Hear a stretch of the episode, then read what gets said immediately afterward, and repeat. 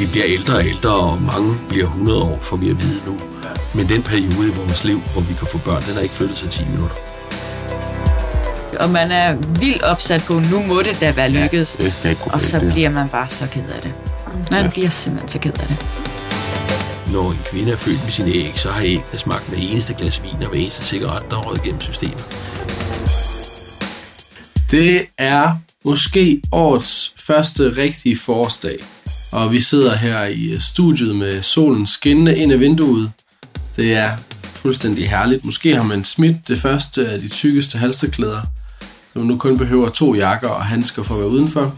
Kunne ikke være bedre. Mit navn det er Morten Rue, og øh, jeg sidder her sammen med dig, Ida. Ja. Det skal handle om uh, ufrivilligt barnløshed. Og vil du ikke uh, starte med at fortælle os, hvad er det, og hvordan fik du egentlig ideen til, at vi skulle lave det her program? Jo, men altså at være ufrivillig barnløs, det er jo, vil jo både sige, at man sådan selv forsøger at få børn, altså øh, uden hjælp, men at det ikke har kunne lade sig gøre endnu, eller at man øh, får assisteret via en fertilitetsklinik prøver at få børn. Ja. Og jeg fik egentlig ideen til programmet, fordi at jeg øh, spurgte en af mine veninder, Nå, hvad så, skal I ikke også snart have børn eller hvad? Og så øh, siger hun, jo, vi prøver faktisk, men vi har ret svært ved det. Ja. Og så står man og taber lidt masken og bliver sådan, ej, det var da så dumt spørgsmål, altså. Mm. Totalt irriterende, sikkert. Og så tænker jeg bare, at jeg kan vide, hvor mange, der egentlig øh, er i fertilitetsbehandling og prøver på at få børn, som har svært ved det. Ja. Så gik jeg ind og, og læste lidt om det og tænkte, det var måske et emne, man skulle sætte lidt mere fokus på. Øh, og så tænkte jeg, at det kunne være spændende at lave et program om. Ja, fordi at, da vi undersøgte det her, så viste det sig, at det er hver 12. barn, som bliver født, det er assisteret af øh, fertilitetsklinikkerne. Det er jo helt vildt mange, men man hører godt nok ikke særlig meget om det. Man er måske ikke særlig bevidst om, hvor svært det er. Derfor så øhm, har vi kontaktet Søren Sibe, som er klinikchef inde på fertilitetsklinikken på Rigshospitalet. Øh, og vi skal snakke med ham omkring alle aspekter af øh, hele det her forløb. Det vil være at være ufrivilligt barnløs og indgå i facilitetsbehandling. Men inden vi skal snakke med ham, øh, så har du været ude og interviewe nogle andre.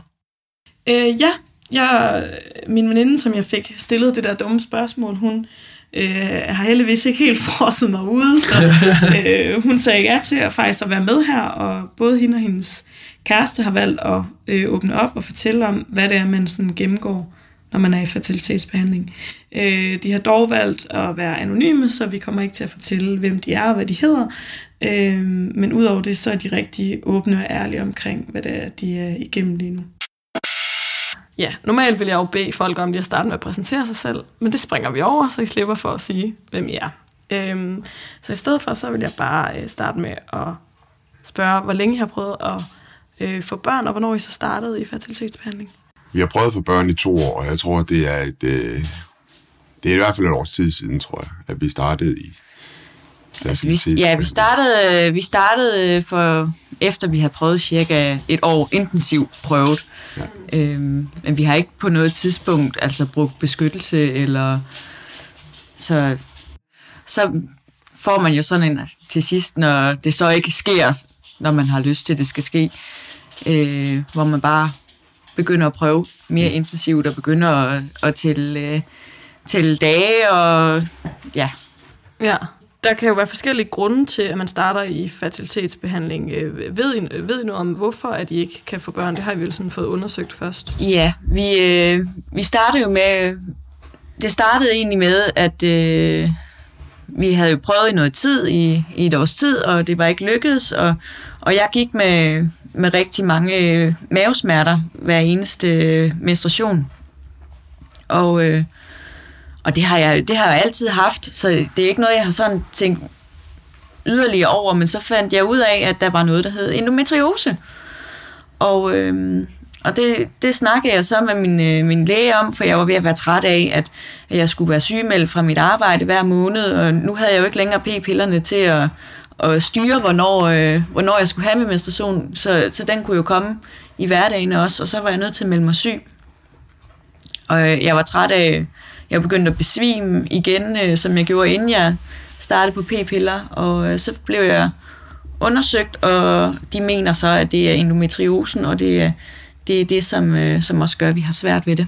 kommer der sådan en fornemmelse af, sådan, altså, at det så er din skyld, uden at jeg siger, det er det. Ja. Men altså, Det, altså, jeg føler lidt, at, øh, at jeg berøver min kæreste for at kunne få et barn. Altså, det, og det, det er den følelse, man lidt sidder med hver, hver måned, når, når man ikke øh, er blevet gravid, at man har at man sidder med en skyldfølelse af, nu, øh, nu kan du ikke give ham det, som han rigtig gerne vil have igen, fordi at du fejler noget. og hvor længe er det så, så har I været i fertilitetsbehandling? Et år? Øh, ja, et års tid nu har vi været, været i gang. Og hvad har I, hvad har I så prøvet indtil nu? Vi startede ud med, med ren hormonbehandling. Øh, det prøvede vi i nogle måneder. Og så derefter så prøvede vi med hormonbehandling med et tilskud af ægløsningssprøjte. Og øh, det prøvede vi så igen i nogle måneder, og det lykkedes stadigvæk ikke. Så begyndte vi på inseminering for et halvt års tid siden. Og kø, har så kørt med det et halvt års tid med både ægløsningssprøjte og hormonpiller. Øhm, så gik vi over til at prøve øh, med hormonpiller, ægløsningssprøjte og hormonsprøjter.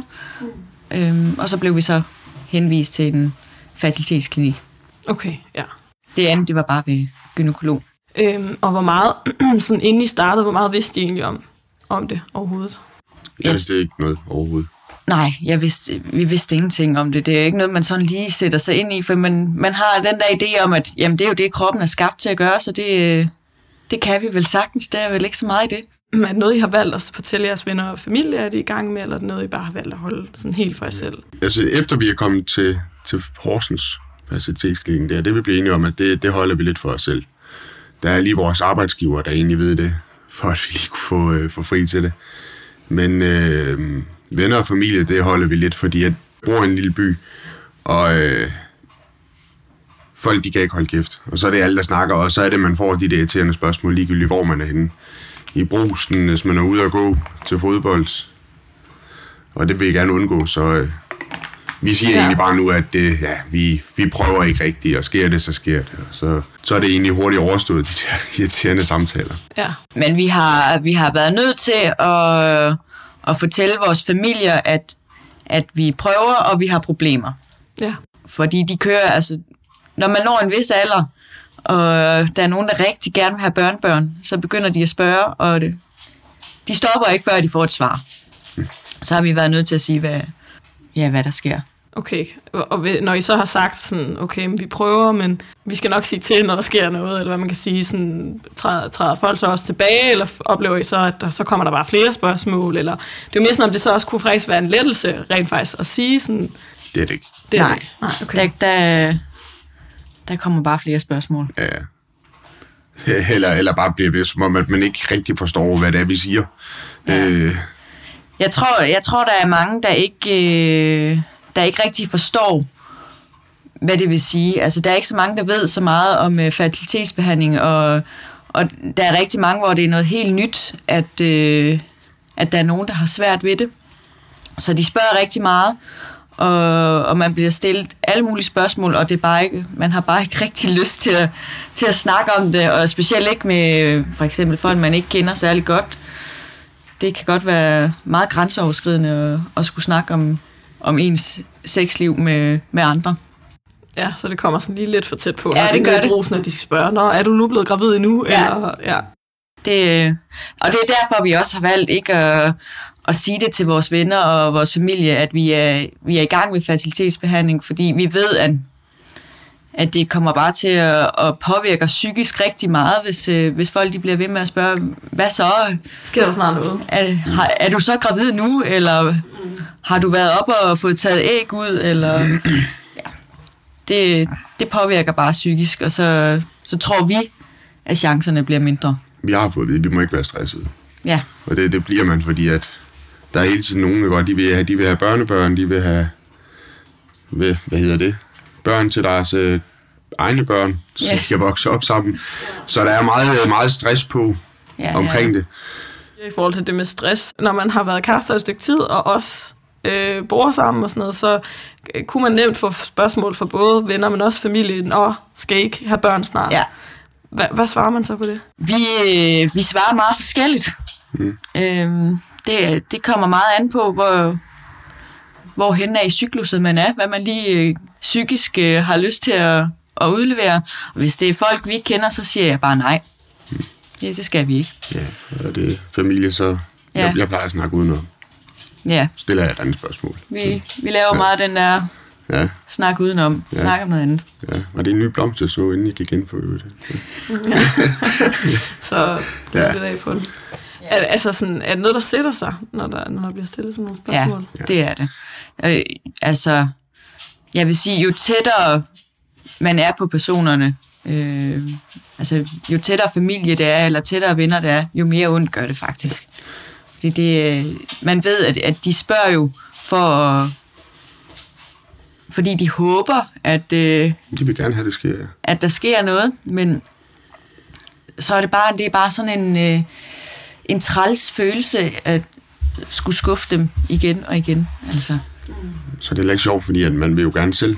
Det er jo selv ens Ja. helt store drøm. Det er jo det, man allerhelst vil lige nu. Det er det, man mangler, ikke? Og så øh, at blive ved med at skulle snakke om det, det kan godt, det, det kan godt gøre ondt også. Mm. Øhm, så derfor så vil man gerne lidt udenom det. Mm. Også fordi vi vil ikke helt ind på, hvad det er, vi laver lige nu jo. Øh, Nej. så, så, så det er sådan lidt svært. Øhm, Og man bliver jo vejet og bedømt hver gang, øh, hver gang vi dukker op til et socialt arrangement, så holder folk jo øje med, nå, tager hun nu et glas alkohol, eller ja. er det en lille bule på maven? Nej, det er bare en, øh, en madbaby. Altså. Det er McDo- en McDonald's burger. Ja. Og colaen, det er sgu fordi, jeg skal køre hjem.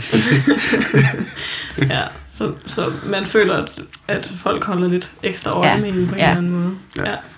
Øh, altså oplever I, at der er sådan et decideret sådan tabu omkring det at være i facilitetsbehandling i Danmark? Jeg synes, at det bliver, det bliver mere og mere i talesat. Altså, da vi startede, der kendte jeg ikke øh, en eneste historie om nogen, som øh, var igennem noget som helst.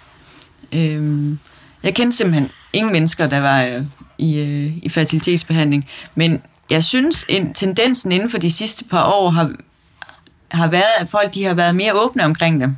Og jeg har hørt om flere, hvor jeg tænkte, wow, det vidste jeg ikke engang. Altså, som er begyndt at åbne op for, at, øh, at de går i fertilitetsbehandlinger. Jeg tror også, det er mere noget, de, de fortæller om det, når det er, at de har fået et barn.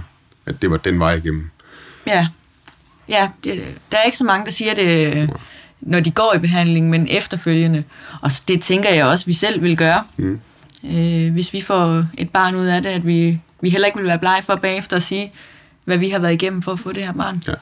Det var egentlig også det, han foreslog ham. Lægegutten. Jeg ved sgu ikke, hvad det hedder, når man kan sådan noget der. Men hvad han foreslog. Ja. At man egentlig holdt det lidt for, for sig selv. Ja, Indtil at, at der var gevinst. Fordi at ellers så... Ja, så er det det her stress her igen. Ja, men jeg tænker også bare, det er jo heller ikke fordi, at, at som I siger, så kan det også så være stressende, og det er heller ikke fordi, man nødvendigvis behøver at gå og fortælle det til alle, men det kan jo være rart, tænker jeg, når man er i processen, at vide, at der faktisk er ret mange, der har været igennem den her Ja. proces før, ikke? fordi at ellers så tænker man jo bare sådan, okay, det er bare totalt unormalt. ja. Altså jeg vil sige, da jeg fandt ud af, øh, at min, øh, en af mine kollegaer var igennem det samme, der blev jeg faktisk sådan helt lettet, fordi man, man får ligesom følelsen af, nå okay, det er ikke kun mig. Mm. Øhm, og det, selvom at jeg synes, at det er rigtig irriterende på de andre pigers vegne, og, for jeg ved jo, hvor ondt det gør, men det er bare rart, at man ikke er alene. Mm. Altså det er jo faktisk sådan, at det hver 12. barn i dag bliver lavet på en fertilitetsklinik. Ja. Altså var I klar over, at det var så mange?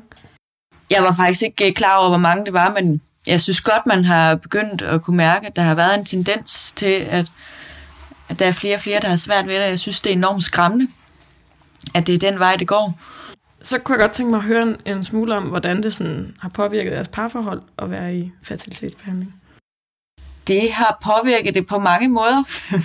vi, øh, vi, har, vi går hinanden lidt mere på nerverne nogle gange, fordi vi begge to er, er rigtig trætte af situationen, og så, så og det er svært at, at læse af på nogen andet end hinanden. Øhm, så påvirker det vores, øh, vores seksualliv helt vildt. Det var, mere, det var mere, da vi var ved den anden klinik der, gynækologen der, men det var fordi, det skulle være planlagt sex. Ja, Det, er, det kan godt være svært, at, når man ved, at det, det skal være klokken 10. ja, Og jeg er faktisk bare rigtig træt klokken 10. Og det, det, det, det er sådan inden for sådan nogle, nogle timer nærmest disse dage, jeg siger, men fra når det der sker, eller I tager den her sprøjt, så skal det være inden for, eller på den time her. Mm. Ja. Der skal I have sex. Yay. Men øh, altså, det er jo... Det var jo meget sådan, øh, de første gange, da vi kun kørte øh, hormonpiller, så skulle vi jo, øh, så bliver man jo ultralydsscannet, og så siger hun, jamen, øh, du har ægløsning i, en gang i morgen, og øh, hvis I så bare har sex i aften, i morgen tidlig og i morgen aften, så, øh, så kunne, det, kunne det godt gå hen og, og give noget. Når man så når der til aften dagen efter, så er det altså ikke lige frem det, man har allermest lyst til. Nej. Det, det er svært at blive ved med at, at holde ja. gejsten. Ja. Og så, nu reagerer man jo forskelligt på, på de hormoner, men, men jeg kunne da godt mærke, at jeg blev måske lidt mere irritabel. Og samtidig med, at det er en, det er en hård proces, så, øh, så bliver lunden bare kortere. Ja. Så det skaber lidt... Øh, Det skaber lidt, udfordringer. øh, lidt udfordringer nogle gange. Ja. Ja. Man har klaret det. Vi har klaret det. Ja. Jeg tænker, hvis, øh, hvis vi kommer igennem det her forløb, så kan vi klare det hele. Ja, Eller når vi kommer igennem det her forløb, så kan vi klare det hele. det kan vi. Det er jo godt. Ja. Ja. Har I, noget, har I nogen gode råd til et par, som for eksempel øh, kun er nået der til, at de har prøvet et år, og så skal til at, at, at starte i hele det her Vil sige, tag det roligt, fordi at når man, det går ind på, men når man kommer til de samtaler, man er til, så øh, følte jeg i hvert fald, at man kom ud med et rigtig godt indtryk, øh, nyt håb om tingene, og jeg tænker, okay, det, det, det skal sgu nok gå, det her. Øhm, jeg synes specielt efter, vi var i Horsens der, der, der kunne jeg godt mærke, at øh, da man kom ud derfra, det tror jeg egentlig var begge to, vi var derude at spise. Der var sådan lidt ro på. Mm. Tog vi lige ned og fik lidt brunch. Øh, Ja, jeg vil sige, lad være med at læse øh, på nettet. Ja, lad fanden. være med at læse øh, andre folks historier, både, hverken, altså både skrækhistorier og gode historier. Mm. Og bare øh, snak med, med lægen i stedet for. Få stillet alle spørgsmålene der, og, og ikke søge oplysninger via andre. Fordi det, der er ikke nogen kroppe, der er ens. Og, og hvad der er sket for den anden, det er, ikke, det, det er ikke nødvendigvis det, der sker for dig. Så hvis der er nogen, der har haft en, et, en succeshistorie med at ligge med benene opad, og så bum, så kom den, mm. så er det ikke nødvendigvis fordi, at, at det sker for dig. Nu er jeg jo også i en, i en alder, hvor mange af jeres venner og sådan noget begynder at få børn. Hvordan er, hvordan er det? Man vil jo gerne være med. Man vil jo gerne have, fordi at mange af dem, som der er vores venner hernede, det er jo nogen, som at, øh, jeg er vokset op med igennem hele mit liv. Og jeg ønsker jo, at, at mine børn, de skal opleve det samme. For det synes jeg sgu egentlig har været meget sjovt.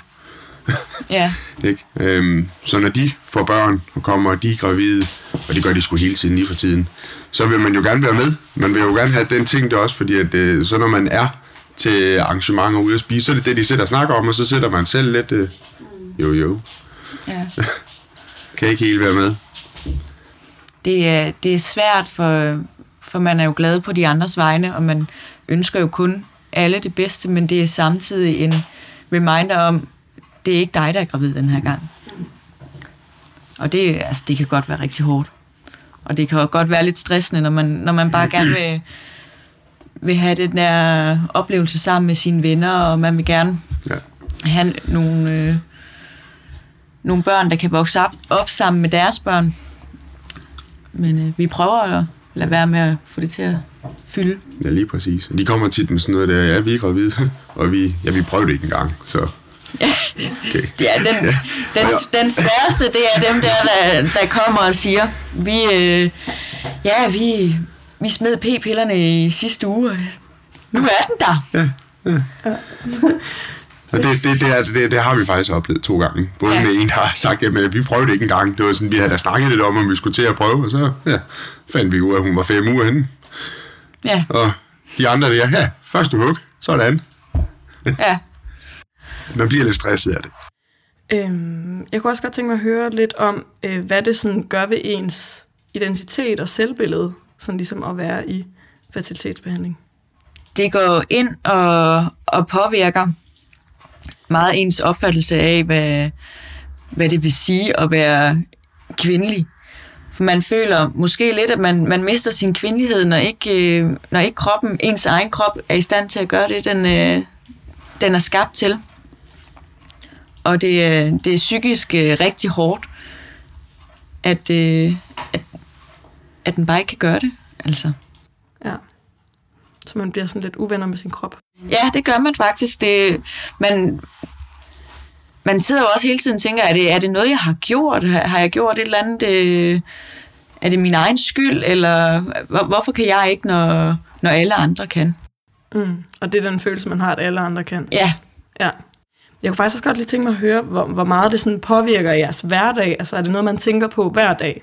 Eller kan, altså, hvor tit fylder hvor meget fylder det op i hovedet? jeg synes, det, det fylder mest, når man ved, okay, nu, nu skal du til at have din menstruation.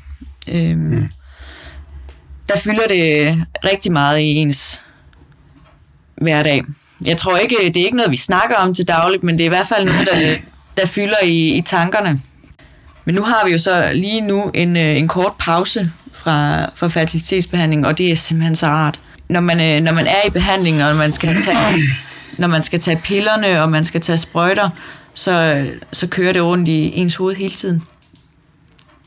Også fordi man ved ikke rigtig, hvad har det af, af, af bivirkninger på, på mig på længere sigt, at jeg sidder og fylder min krop med alt det her. Hvad, hvad kan det gå hen, og, og hvordan kan det påvirke mig i fremtiden? Ja. Så det fylder, men vi prøver ikke at lade det fylde. Mm. Og nogle gange så har man jo sat vildt op til det, fordi så har man været til scanninger op til, hvor man øh, har fået at vide af, hvor fint det ser ud, og sikke en flot slimhinde, og sikke nogle store æg, og Ja. der er så og så mange æg, og man er vildt opsat på, nu må det da være lykkedes. det kan ikke gå og så det bliver man bare så ked af det. Man ja. bliver simpelthen så ked af det. Er det så, altså nu er det jo også dig, der så opdager, når det ikke er lykkes. Ja, Altså er det svært så at skulle fortælle det? Ja, det er, det, det er hårdt at, at skulle sige, det, det lykkedes så heller ikke den her gang. Og det er svært sådan lige at finde ordene. Mm. Fordi jeg ved, at det også betyder noget for ham. Øhm, så, så det er svært hele tiden at skulle være den, der breaker. Nå, du bliver så heller ikke far i den her måned. Eller? Men øhm, ellers så vil jeg faktisk bare gerne sige tusind tak, fordi at I gad at være med og lidt. fortælle om det her. Øh, det synes jeg var meget øh, modigt, og jeg er sikker på, at øh, der, jo må, der må jo sidde en del derude, øh, Ja. ja. som lytter med, som kan måske genkende til jeres Ja. ja. situation. Vi plejer altid at, hvad hedder det, mm, sige til dem, vi interviewer, om de har noget sådan selv til sidst, de godt kunne tænke sig at sige et eller andet. Jeg vil sige, øh, rygning fandt vi ud af, at det, øh, hvis man gerne vil have børn, og det er den vej, man skal igennem, så er det noget, man skal stoppe med øh, per omgående. Ja, jeg var faktisk meget overrasket over rygningseffekt. Øh, effekt. Ja. Altså, ja, ja, selvfølgelig har man hørt, at det nedsætter sædekvalitet, ja. og, og det skal man lade være med. Men at, øh, altså vores, øh, vores læge sagde til mig, at hvis, øh, hvis jeg havde kommet ind og sagt, at jeg røg, så ville han have sagt med det samme, at jamen, så har du reelt set kun to forsøg. Ja. Vi, alle har tre forsøg, men du har kun to, fordi du har spildt den ene med at ryge. Okay, ja. Og det er sammen med, hvad var det, overvægt. Han var sådan rimelig ærlig og sagde det til. Ja, han var meget ja. lige i posen. Ja, meget ærlig. Han sagde også, at jeg var muskuløs. Det, det kan vi godt klippe ud. Det vil jeg gerne høre. Først og fremmest tusind tak til din veninde og hendes mand, fordi at de gad at dele den her historie med os. Jeg synes, det var mega rørende at høre dem fortælle, hvor stort et nederlag det er for følelsen af at være kvinde og være mand, at ens krop lige pludselig svigter en på den her måde, når man selv tror, man er i sin bedste alder. ja. Øhm, og så synes jeg også, det var det gjorde indtryk som kommende læge at høre om den her enorm fortrolighed, som de havde med deres læge. Der er kun de tre personer i verden, der ved, at de er i facilitetsbehandling. Og så nu den fjerde, der er Ja. Ida. Nu er jeg også indvidet. Øhm, det næste interview, vi skal høre, det er over på facilitetsklinikken med Søren Sibe. Vil du ikke fortælle, hvordan følte du, det var at sidde sammen med mig i venteværelset og alle de andre par og vente på at blive henvist til lægen? Ja, altså nu, når vi snakker om, om der rent faktisk er et tabu omkring det at være fertilitetsbehandling, så tog jeg da mig selv lidt i at tænke, nu håber jeg ikke folk, de tror, at vi sidder her sammen, fordi vi er i behandling over. Ja. Jeg synes også, jeg har oplevet flere gange, når jeg prøvede på at spørge Søren om præcis, hvornår man skulle gå i gang med at få et barn, at det så lige pludselig ramte ret personligt tilbage, og han sagde sådan, Morten, man kan ikke sige, hvornår man skal gå i gang. Det eneste, du er interesseret i lige nu, det er, hvor lang tid du kan vente. Og det Ja. kan jeg ikke svare på. Hvis vi prøvede at være de kritiske journalister, så blev den sendt direkte tilbage i hovedet på os, kan man sige. Jeg synes, øh, vi skal skifte over til ham med det samme. Så her kommer Søren Sibe. Jeg er egentlig uddannet biolog, men har arbejdet med fertilitet i hele mit, mit voksenliv, havde jeg nær sagt. Og nu er jeg professor her på Rigshospitalets Fertilitetsklinik og klinikchef for klinikken. Øhm, og hvad er det for en... Øh, hvis vi ser på sådan Danmark, hvad er det så for en udvikling, der har været inden for faciliteten, hvis vi kigger på de sidste 50 eller 100 år? Altså, hvis du taler om mit felt, så kan du ikke kigge 50 eller 100 år tilbage. Nej. fordi at øh, det første barn efter det her, det blev født i slut 70'erne i England, og det første danske barn tilbage i 80'erne øh, i, Dan- i Danmark. Så vi er et, et helt nyt speciale øh, på den sådan medicinske horisont, og det er jo gået utrolig stærkt på mange måder fra øh, Robert Edwards øh, fandt på teknikken med at tage æggene ud og befrugte dem uden for kroppen og lægge dem tilbage igen og så til, øh, til nu, mm. øh, hvor hver 12. barn i Danmark er lavet på en fertilitetsklinik. Har der været nogle ændringer i, hvornår, eller hvor gamle, var, hvor gamle folk var det, de fik, øh, når de har fået børn, siden man startede i 70'erne, og så til nu her i... Altså hvis man kigger ud i sådan i den virkelige verden og ikke på fertilitetsklinikkerne, Ja. så har det jo ændret sig meget. Ja. Øhm, i, tilbage i 40'erne, så var man gennemsnitlig 22 år. Mm. Øh, I 60'erne 24 år, og nu er man altså øh, næsten 30, 29, komma noget, øh, når man vælger at få sit første barn. Mm. Så vi har jo flyttet tidspunktet for første barn Ja. i samfundet meget. Er der nogen biologiske årsager til det? Øh, nej, altså, så er det negative biologiske årsager forstået på den måde, at, at den, vi bliver ældre og ældre, og mange bliver 100 år, får vi at vide nu. Ja. Men den periode i vores liv, hvor vi kan få børn, den har ikke flyttet sig 10 minutter. Nej. Så vores biologi sådan, fortæller os, at vi skal træffe den her beslutning på samme tidspunkt som vores øh, bedsteforældre og vores oldeforældre. Mm. Øh, og det er jo sådan lidt i konflikt vældig ofte med sådan moderne liv. Har det noget sådan... Øh, altså har det noget at gøre med den måde, vi sådan samfundsmæssigt har indrettet os på, at der ligesom sker det her skred? Jeg tror, der er, ma- der er mange steder samfundsmæssigt, ja. Øh, men også, at vi øh, den måde, vi vælger at leve på, den måde, vi i tale sætter moderne liv på, øh, de, den, hvad skal vi kalde det, øh, opfattelse af selvbestemmelse og frihed i alle aspekter af livet. Jeg kan gøre det, jeg vil, når jeg gerne vil. Øhm, og så er der lige pludselig sådan noget som reproduktion, hvor der, vi har en biologi, der siger, nej, det kan du ikke. Øh, og, og det har vi opdaget sådan lidt sent, og ikke været dygtige nok til at fortælle, at sådan var det ikke alle steder. Øhm, og det er vi jo i gang med at prøve at kompensere lidt for nu, og, og, og fortælle og undervise og øh, hjælpe folk til at have et godt grundlag for at træffe de valg, de selv skal træffe i deres liv. Er der nogen forskel på øh, alle de her mekanismer, både sådan personlige samfundsmæssige og noget biologisk? Vil du ikke tale om forskellene på mænd og kvinder i det? Jo, altså der er jo, øh, der er jo i reproduktionsmæssig forstand jo forskel på mænd og kvinder, forstået på den måde, at alle piger, deres æg bliver anlagt ind i æggestokken, når de er tre måneder gamle fostre. Mm. Så laver de aldrig flere i deres liv. Og det betyder, at en kvindes æg er stort set samme alder, som hun selv er. Og et 20-årigt æg øh, kan mere end et 40-årigt æg øh, hos os mænd, vi, vi har stamceller i testiklen, som producerer nye sædceller hele tiden. Ja. Og det vil sige, at vi er, vores sædceller er øh, sjældent mere end tre måneder gamle. som er den tid, det tager for en sædcelle at vokse frem. Øhm, så så det, er en, det er en meget stor forskel. Øh, det betyder ikke, at vi øh, u- uden ændringer kan få børn hele livet. Selvom vi ofte tænker på det, og vi tænker på Chaplin og andre, der fik børn langt op i livet, og det, det kan mænd øh, også, men vi begynder at få mere og mere information om, at kvaliteten af vores sædceller også ændrer sig med livet, og måske meget tidligere, end vi i virkeligheden tror. Vil du ikke prøve at fortælle lidt om, hvad er det, øh, der rent biologisk sker, når man bliver ældre? Hvad er det for nogle biologiske faktorer, der gør, at man bliver ufrivilligt barnløs?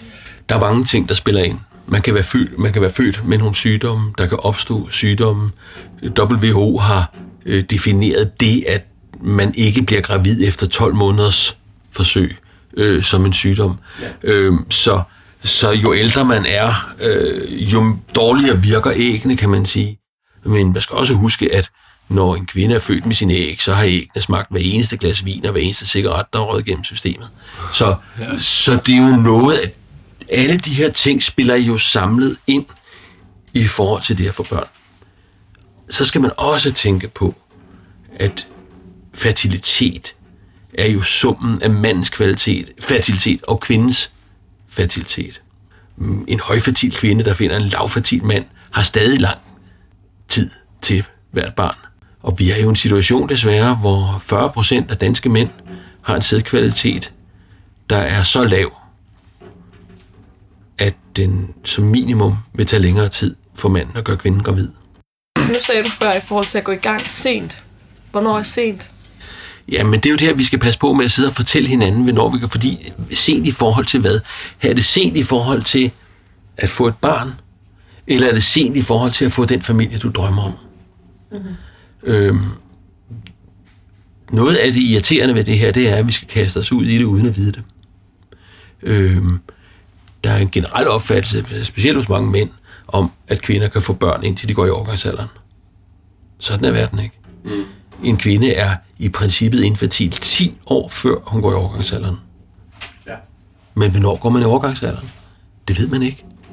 Og det vil sige, noget af det, vi, vi har sådan en, en fertilitetsrådgivning, råd, rådgivning, hvor vi forsøger ligesom at, at, at guide og hjælpe dem, der er øh, interesseret i det her. Og noget af det, vi siger til dem også, det er, gå hjem og tal med din mor. Hvis hun gik i overgangsalderen, øh, som de fleste kvinder gør i starten af 50'erne, så har man ikke kunne få børn, for man var i starten af 40'erne. Det vi, øh, det er jo ikke sådan. Det er også den fornemmelse, vi andre her, har, alle har af, øh, hvordan livet ligesom er. Men hvis nu man gik i overgangsalderen, for, da man var 45, så har man måske ikke kunne få børn, for man var 35. Mm. Øh, og det kan godt være, det er jo ikke sikkert, men det kan godt være, at man ligner sin mor på det punkt. Mm. Og vi er heller ikke ens. Altså, øh, nogen vil bare ikke kunne få børn på et tidligere tidspunkt end andre. Ja. Der har været nogle artikler, som har lavet sådan nogle matematiske modeller for det, som sagde, at hvis det var, at man nu tager jeg det grældeste eksempel, ikke? men hvis man, hvis man ville have for eksempel tre børn, øh, og man ville være 90% sikker på at få tre børn, ikke 100%, men 90% sikker, og man ikke vil bruge barnløshedsbehandling, så skulle man starte, når man er 23. Altså, og det, og det, er jo, det, er jo, det er jo her, alle bliver blege, ikke? Altså, Ja. Hvor mange børn siger du, du skal have, Ida? Jeg kan i hvert fald ikke nå på tre Nej, man, man skal jo ikke tage det her som den fuldgyldige sandhed, men, men pointen med det er, at man er nødt til at starte uden at vide, hvordan ens egen prognose er.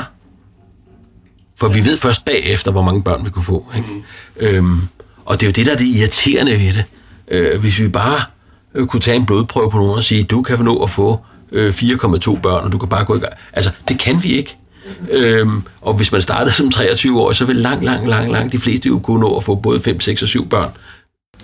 Jeg ved, at du er meget interesseret i, hvordan vi kan forebygge det her. Så kan vi prøve at tale om, hvordan forebygger man øh, barnløshed og reproduktiv sygdom, hvis vi starter med at sige for eksempel rent biologisk. Hvad kan man gøre der? Jamen altså, jeg mener, når vi taler om forebyggelse, så skal vi ligesom gå på tre ben. Ja. Det ene er, at vi skal oplyse hinanden om, hvad er det for nogle ting, der er risikofaktorer mm. for at nedsætte. Vi skal forske i de årsager, som vi endnu ikke kender. Og så skal vi selvfølgelig tilbyde øh, en god behandling til dem, der bliver ramt af de her sygdomme, ligesom alle andre steder, hvor man bliver ramt af sygdom. Når, når vi taler om, hvad kan man, hvad kan man selv gøre, så handler det jo så er der, jo, der er jo mange ting, der spiller ind i det. Altså, der er de sædvanlige kramfaktorer, kost og rygning og så, og så videre, ja. som spiller ind i det. Men det paradoxale er jo, at hvis vi for eksempel kigger på sædkvaliteten, så handler det måske lidt mindre om, hvad du selv ryger, end hvor meget din mor røg, mens du, hun var gravid. Øhm, vi ved, at hvis du ryger hash, så påvirker det din sædkvalitet. Mm. Anaboliske steroider påvirker din sædkvalitet. Men vi ved ikke ret meget om, at hvis du spiser 6 kilo gulerødder om dagen, så bliver det bedre. Altså, øh, vi tit så trækker vi det over nogle steder der, hvor vi selv kan gøre noget, hvis nu jeg bare spiser sundt og, og så videre. Øh, det har vi mindre viden om. Øh, og så primært anerkende det faktum, at vores biologi og den måde, vi er bygget på, er altså til at få børn meget tidligere, ja. end det vi gør nu. Og at man jo selvfølgelig kan vente, men man tager også en chance øh, i forhold til, hvor mange børn man så får. Og det, der er det jo vigtigt også at sige, når vi sidder og taler om det her, der er jo ingen, der skal pådute hinanden at få børn, eller hvor mange man skal få. Det, det handler om, det er, hvad drømmer du selv om? Hvad kunne du godt selv tænke dig? Og når vi spørger unge, så siger næsten langt, langt de fleste, 90-95 procent siger, jeg vil gerne have børn. Ja. Og når du spørger, hvor mange vil du have, så siger alle, to eller tre. Jamen, hvis du vil have tre børn, så skal du ikke vente til du er 39 med at starte. Øhm, for så får du dem ikke. Ja. Og, og der bliver vi nødt til ligesom at hjælpe hinanden til, til at have den viden, der skal til. Øhm, mm. Og jo i høj grad også, at vi kender hinandens biologi. At drengene også ved noget om pigernes biologi. Fordi hvis ikke drengene er villige til ligesom øh, parforhold og børn, mens deres kærester kan få børn, så bliver mændene også barnløse. Mm. Så det er et fælles ansvar, vi har her. Øhm, det er et fælles ansvar, som også involverer forældrene. Hvorfor taler vi det altid ned som forældre at få børn? Altså, når, når, når vi forældre taler sammen, så siger vi alle sammen til hinanden, det vigtigste, der er sket i mit liv, det var at få børn. Det er det største. Ja. Det mest betydningsfulde. Men når vi så taler med vores børn, så siger vi, nej, vent nu, pas nu på, sørg nu for, du kan altid få børn, oplev nu, tage ud og rejse, vær ung, altså alle de der ting. Vi siger aldrig, glæd dig til, det bliver din tur, for det er det vigtigste, der er sket i mit liv, og det bliver det også for dig. Den fortæller vi aldrig, den historie, mm. eller meget sjældent. Ja. Øh, så forældrene har et stort medansvar i det. Igen, i gamle dage, der fik kvinderne ingen uddannelse, eller de fik korte uddannelser. Nu er der flere kvinder end mænd, der får lange uddannelser. Ja. Det betyder noget, når vi, hvis vi går ud og siger, vent med at få børn til efter din uddannelse. Gør nu den færdig først. Det er måske ikke altid det rigtige råd mere at give øh, som forældre. Så mener du, der er et er der noget forebyggelse, som også skal forekomme på sådan et samfundsplan nærmest? Det synes jeg i allerhøjeste grad, der er. Øh, fordi at jeg synes, hele, hele det her med, at vi, øh, vi får børn og familiedansen, er, er jo sådan set fraværende i de politiske prioriteter. Øh, vi, øh, får politisk så får vi gennemført øh, tilbagetrækningsreformer og fremdriftsreformer osv. med det mål at sikre, at vi har arbejdskraft til stede. Men der bliver aldrig talsat, hvad gør vi for at hjælpe dem, der gerne vil have børnene til at få de børn. Vi har aldrig nu en, en statsminister eller en finansminister, der siger, nu har vi lavet det og det og det indgreb med eftersætning, men vi har selvfølgelig lavet de relevante undtagelser for unge, der ønsker at stifte familie. Hvorfor har vi ikke daginstitutioner på de store uddannelsesinstitutioner? Hvorfor fortæller vi ikke de unge, jamen det er fint, hvis I øh, får børn, mens I læser, og vi skal nok hjælpe jer med at passe dem, mens I er til undervisning. Mm. Øhm, at vi sådan som samfund i tale sætter det her og øh, på en på en inkluderende måde. At hvorfor er det stadig et problem for kvinder, eller hvorfor oplever mange kvinder stadigvæk det er et problem i forhold til deres arbejdsliv, det her med at få børn? Altså, arbejdsgiver, hvor er I hen? Kom nu ind i virkeligheden. Det er jo ikke noget, der går væk. I vil jo vældig gerne have børnene som arbejdskraft om nogle år. Kom du ind i virkeligheden og vær med til at lade os finde en ramme, hvor vi gør det så godt som muligt øh, for alle. Hvorfor oplever kvinder stadig forskelsbehandling i forhold til pensionsopsparinger, fordi de er gået på barsel? Altså, mm. mænd og kvinder, lad os nu dele de pensionspenge, vi tjener under barslen, så, de, så vi bliver, i, i det mindste bliver ramt lige hårdt, øh, og ikke forskelsbehandlet omkring. Eller, altså, der er jo tonsvis af steder i vores samfund, og den måde, vi har by, bygget vores samfund op på, som, hvad skal vi sige, jo ikke faciliterer hele familiestiftelsen, for nu at sige det på den måde. Så når vi sådan snakker om oplysning, hvor, hvor meget oplever du så, at folk, som kommer her og starter i fertilitetsbehandling, egentlig ved om det? Meget let, generelt set. Eller også så ved, det man ved er måske ikke korrekt, man tror man ved noget.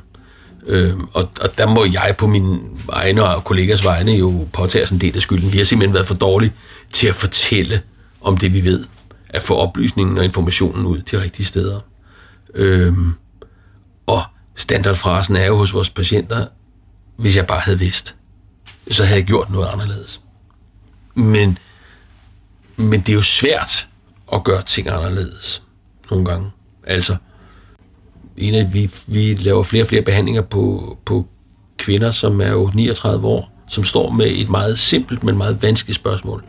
Skal der være børn i mit liv, eller skal der ikke være børn i mit liv? For de nåede hen til der i deres liv, hvor, hvor deres reproduktion for alvor begynder at, at tikke ud. Og enten så skrider kæresten, fordi han tror, at han skal være teenager nogle år endnu. Eller også har hun ikke fundet ham. Måske fordi hun var lidt for kritisk over for, hvordan han skulle se ud og tale og tænke og synes og så videre. Og, hun, og, og spørgsmålet er, skal der være børn i mit liv, eller skal der ikke være børn i mit liv? Og der må man sige, at mange unge er jo enormt kritiske over for sig selv og hinanden. Lange lister om, hvordan skal min kæreste se ud, øh, før det er okay. Øh, hele kulturen om, at jeg beslutter mig i sidste øjeblik, fordi der kan jo komme noget, der er bedre. Eller sjovere. Ja.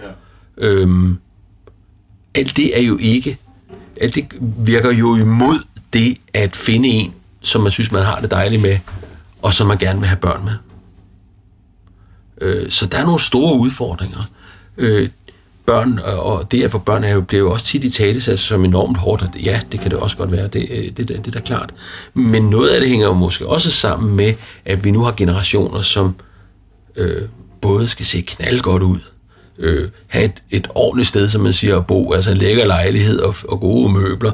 Øh, man skal have venindeaftener, man skal have kæreste weekender, man skal have skituren, og man skal, altså, man er ikke villig til at vælge noget fra. Og når man bare læser ovenpå, ovenpå, ovenpå, ja, så bliver det, så bliver det hårdt. Og så skal vi måske også indse, som det jo tit bliver i talsat, at livet slutter, når man får børn. Lyt nu til os, der har været der. Det er der, det begynder. ja. Så du siger, at de plejer tit at sige, hvis bare jeg havde vidst. Hvis vi så nu skal sende lidt information ud til vores lyttere, hvad, hvad kunne du så godt tænke dig sådan at oplyse om i forhold til noget, folk skulle vide i forhold til fertilitetsbehandling og fertilitet generelt? Jamen, det kommer an på, hvem øh, hvad jeres lytter, vi skal tale til. Øhm, men, men fordi at mændene ved meget mindre end pigerne, øh, og forældrene øh, glemmer at fortælle det, øh, som vi alle sammen burde vide generelt set, så skal vi jo, så mener jeg, så skal vi vide, at vores fertilitet går ned ad bakke lige fra 20'erne. Øhm, vi lever i... Hvornår i 20'erne? I starten af 20'erne. Altså, når, hvis vi tager tallene, så kan vi sige, at når du er i starten af 20'erne, så har du 34 procent cirka per cyklus for at, blive, for at få et barn. Mm. Altså, hvis du ikke bruger prævention og prøver på at få børn, så vil kvinden blive gravid hver tredje cyklus. Når vi er allermest fertile, det er ikke hver cyklus. Ja. Det er hver tredje cyklus, når det er, vi er allermest frugtbare. Vi har jo også ligesom med, på mange gode baggrunde sagt, jamen beskyt jer nu og undgå seksuelt overførte sygdomme og alle, alle de her ting, som også er meget vigtige. Men vi har fået skabt en aura af, at hvis vi sjusker øh, med de ting, så bliver vi omgående gravide. Mm.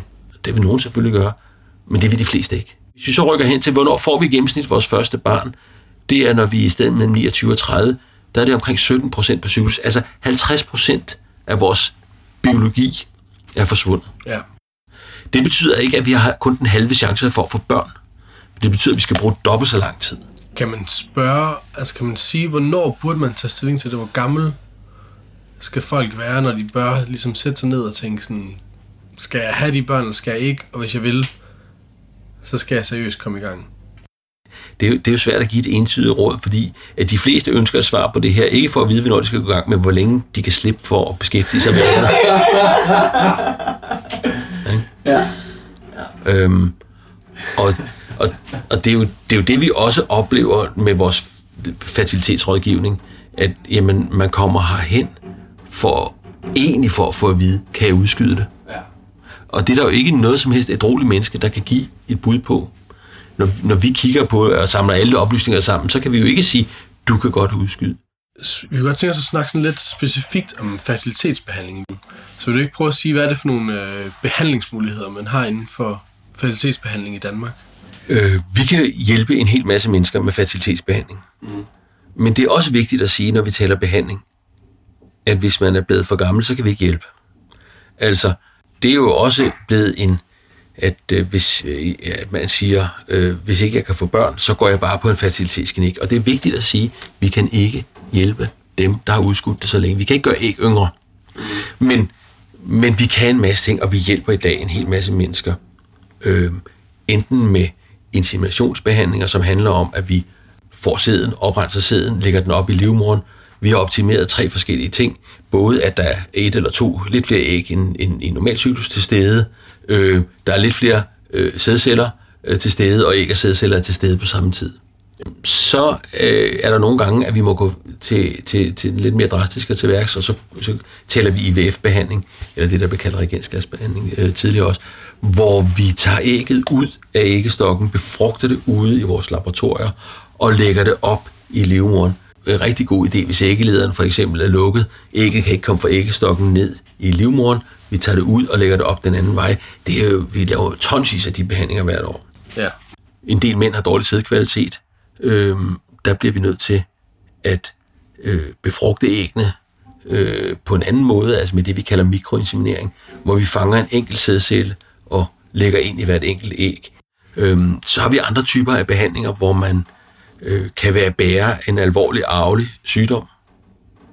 En sygdom, der har plaget familien i mange år. Der kan vi så lave øh, IVF-behandling eller mikroinseminationsbehandling. Lad ikke dele sig, pille en af cellerne ud af det her æg, analysere det, og så sige, hvis det her æg bliver til et barn, så vil det ikke have den sygdom. Men, men det er jo ofte ikke folk, der har fertilitetsproblemer. Øh, de har et genetisk problem. Vi har andre, øh, hvor vi siger, det vi kalder fertilitetsbevarende behandlinger, unge piger, som får cancer i børneårene eller i ungdommen, og hvor behandlingen for canceren vil ødelægge deres æg. Vi kan tage æg ud og befrugte dem, eller fryse dem ned. Mm. Nu stiller jeg lige et lidt kontroversielt spørgsmål her, ikke? men nu bliver jeg bare lige nysgerrig. Hvis man, kunne jeg måske være kommet, når jeg var 23, og få taget nogle af alle mine gode æg ud der, og så frosse dem ned, og så vente til at blive 35, hvor jeg så gerne vil have børn, og så bruge de æg der? Ja, er det korte svar. Men, øh, det, og det er der jo, øh, det er der jo firmaer som Apple og Facebook, som tilbyder øh, kvinder. Og grunden til, at man skal lade være at gøre det, er, for det første, så kommer du aldrig som 23 år, jeg tænker på det her. Du kommer altid som 36 år og siger, øh, nu, begynder, nu begynder klokken at tikke, øh, og, og så er det allerede for sent. Mm. Øh, en anden ting er, at øh, hvad er sandsynligheden for, hvis vi tager nogle æg ud fra dig, at de så virker bagefter? Altså jeg kan fortælle dig, at alle de æg, vi tager ud, der er det 5% af æggene, der kan blive til et barn. Okay. I to ud af tre cykler er der ingen æg, der kan blive til et barn. Øh, så det er en, en lotteribillet af de helt store. Okay, ja.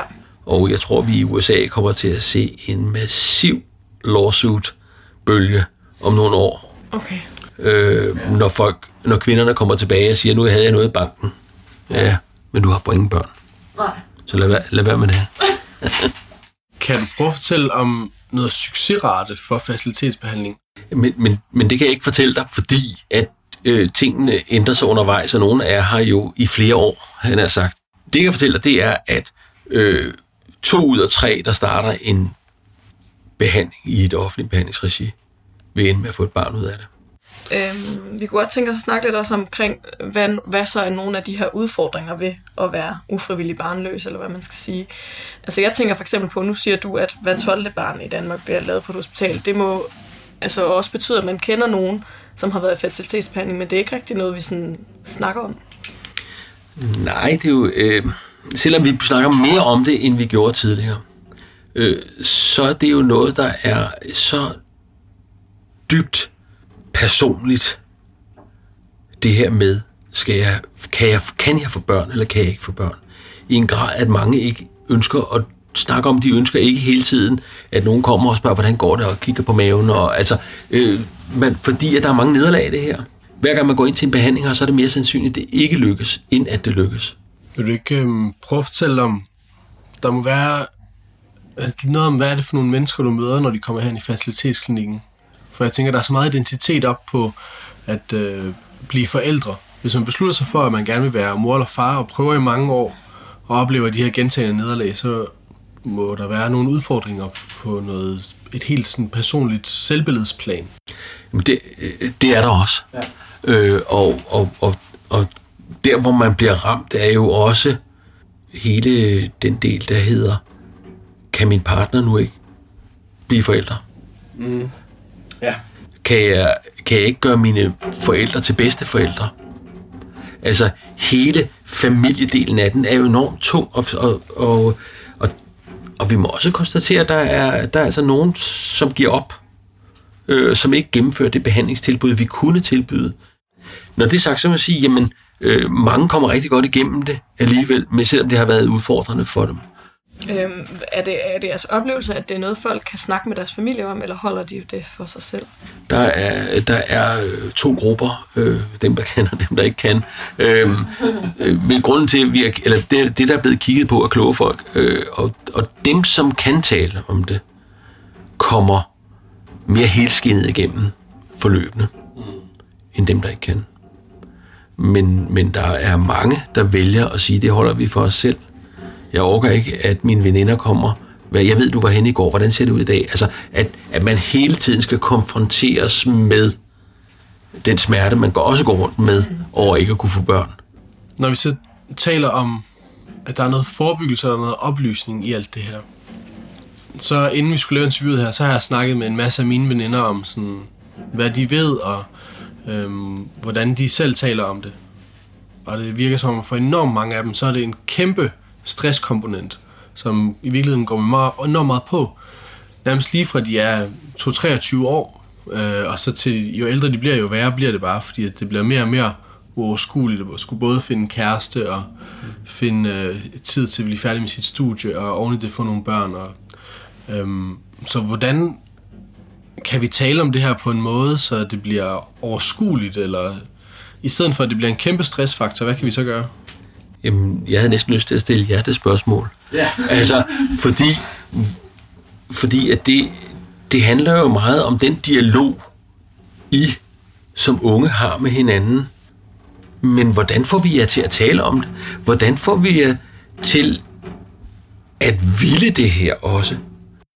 Og hvor jeg vil ønske, at vi kunne, vi kunne have den her dialog på på, på, en, på en god måde, at vi kunne tale om tingene. Men, men vi bliver jo meget ofte mødt med det her, at det er bare stress, og nu kommer I og lægger pres på os. Og vi, der er også pres på os i forhold til uddannelse, vi skal være færdige på ingen tid, og vi lægger pres på os selv og hinanden om, at vi skal se knaldgodt ud og træne hele tiden, og vi skal, altså, alle de her ting her, hvor man siger, jamen, hvordan får vi det talt ind i den dagsorden, hvor man i forvejen føler sig presset og stresset uddannelsesmæssigt på alle mulige øh, lederkanter.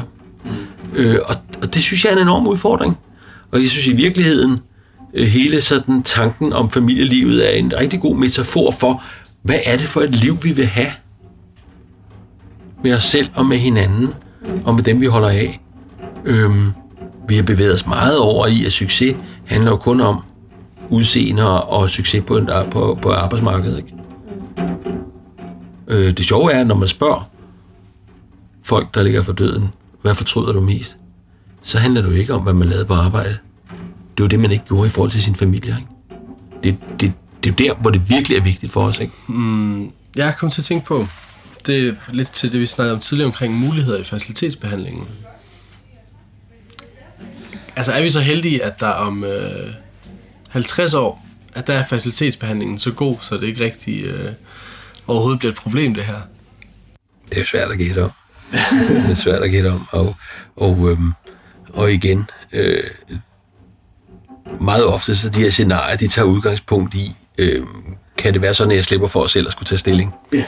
øhm, og mit umiddelbare svar, og der hvor vi er nu, og sådan som verden ser ud, så vil svaret være nej. Ja. Øh, det kan godt være, det ændrer sig, men vi ved, der er jo nogle ting, vi må sige, vi ved meget, meget lidt om, hvad er det der reelt, der foregår i samspillet mellem æg og sædceller og så videre. Men vi skal også stille os selv spørgsmål, ønsker vi at pille ved det? Ja. Altså, det er en af de ældste biologiske mekanismer øh, igennem hele udviklingsperioden. Det er vores reproduktion, evnen til at formere os selv. Den har været med hele vejen, den er raffineret hele vejen. Og, øh, og jeg vil da jeg vil stille spørgsmålstegn ved, om vi kommer til, eller at men så kommer det til at gå meget, meget, meget lang tid, før at vi kender den proces så godt, at vi kan se hinanden i øjnene og sige, okay, lad os bare pille ved det. Mm. Øh, vi har jo også alle mulige områder, hvor vi siger, at det gør vi simpelthen ikke. Det piller vi ikke ved det her. Ja. Øh, og det synes jeg, vi skal blive ved med. Øh, fordi vi kan lave nogle jo rigtig grimme ulykker, hvis vi begynder at pille ved det her her. Så, så de næste mange år, så er vi sgu desværre nok nødt til selv at lave arbejdet og tage beslutningerne og, og, og opleve sejrene. Ja. Ida, vil du ikke starte med at fortælle, hvilken følelse sad du og din facilitet med under den her samtale? altså jeg vil sige, hvis der ikke allerede var et ur, der tjekkede om i baghovedet, så ja. tror jeg nok, det begyndte at tjekke en lille smule i løbet af den samtale. Efter mikrofonerne er blevet slukket, så fortsætter snakken jo som oftest, og der kommer til nogle ting med, som man ville ønske, at man havde optaget. Og en af de ting, som Søren han fortalte, det var, at øh, for nogle år siden, der havde man med til at lave en kampagne, som havde haft to dele, en til mændene og en til kvinderne. Og mændenes del af kampagnen, det havde været nogle plakater, hvor der stod sådan noget, har du, hvordan svømmer dine gutter, eller et eller andet, som havde været et link til en hjemmeside, og der havde nærmest ikke været et eneste besøg på den hjemmeside. Så den kvindelige modpart til kampagnen, det var, har du talt din æg i dag? Ja. Og der oplevede de en virkelig voldsom reaktion fra alle kvinderne, øh, som både besøgte den her hjemmeside meget mere, men også folk, der følte sig fornærmet over, at man kunne stille sig personlige spørgsmål. Ja, ja, han fortalte jo, at der var kvinder, der sådan havde gået ud i køleskabet og taget et billede af deres æg derude, og så sagt, ja, jeg har faktisk talt dem i dag. en, uh, en rigtig trodsreaktion. Ja. Øhm, jeg synes, at det er spændende, at der er så stor forskel på, hvordan kønnene reagerer på det her. Mm. Og Søren han fortæller jo, han fortalte i hvert fald om det her, som man kalder de her 35-årige teenager, som dukker op i hans facilitetsklinik, som de her mænd, der har insisteret på at blive ved med at feste, og blive insisteret på at blive ved med at drikke, og måske skal de jo have gjort noget karriere, inden de følte sig klar til at få børn. Og lige pludselig så, øh, så har de ligesom fralagt sig af ansvaret, og lige pludselig dukker de op i facilitetsklinikken sammen med deres kærester, som så lige pludselig ikke kan få de børn med dem, som de gerne vil have, fordi at der simpelthen er gået en masse tid. Så jeg tror, det er vigtigt, at man i den her samtale også husker at få lagt noget ansvar over på mændene. At man kan simpelthen ikke bare sidde på sine hænder og blive ved med at insistere på sådan, jeg skal leve mit liv før. Og der er ligesom også noget på den anden side af sådan et, øh, en barnefødsel, som er øh, mega spændende, og som man kan glæde sig til. Ja, helt sikkert.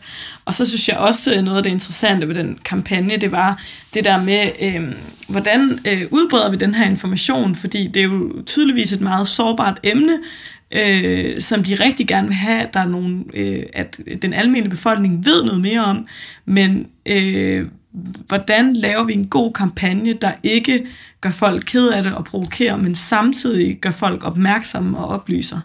Jeg tænker også, at selvom man sidder og måske bliver provokeret, eller synes, at de her tal de kommer på et rigtig dårligt tidspunkt, og nu stresser de bare mere, end de hjælper, så må der også sidde nogen derude, som lige pludselig tager alle de her ting op til overvejelse, som måske så beslutter sig for, at vi behøver måske ikke vente de her to-tre år. Måske vi godt bare kaste os ud i nu, kaste os ud i det nu, og så se, hvad der sker.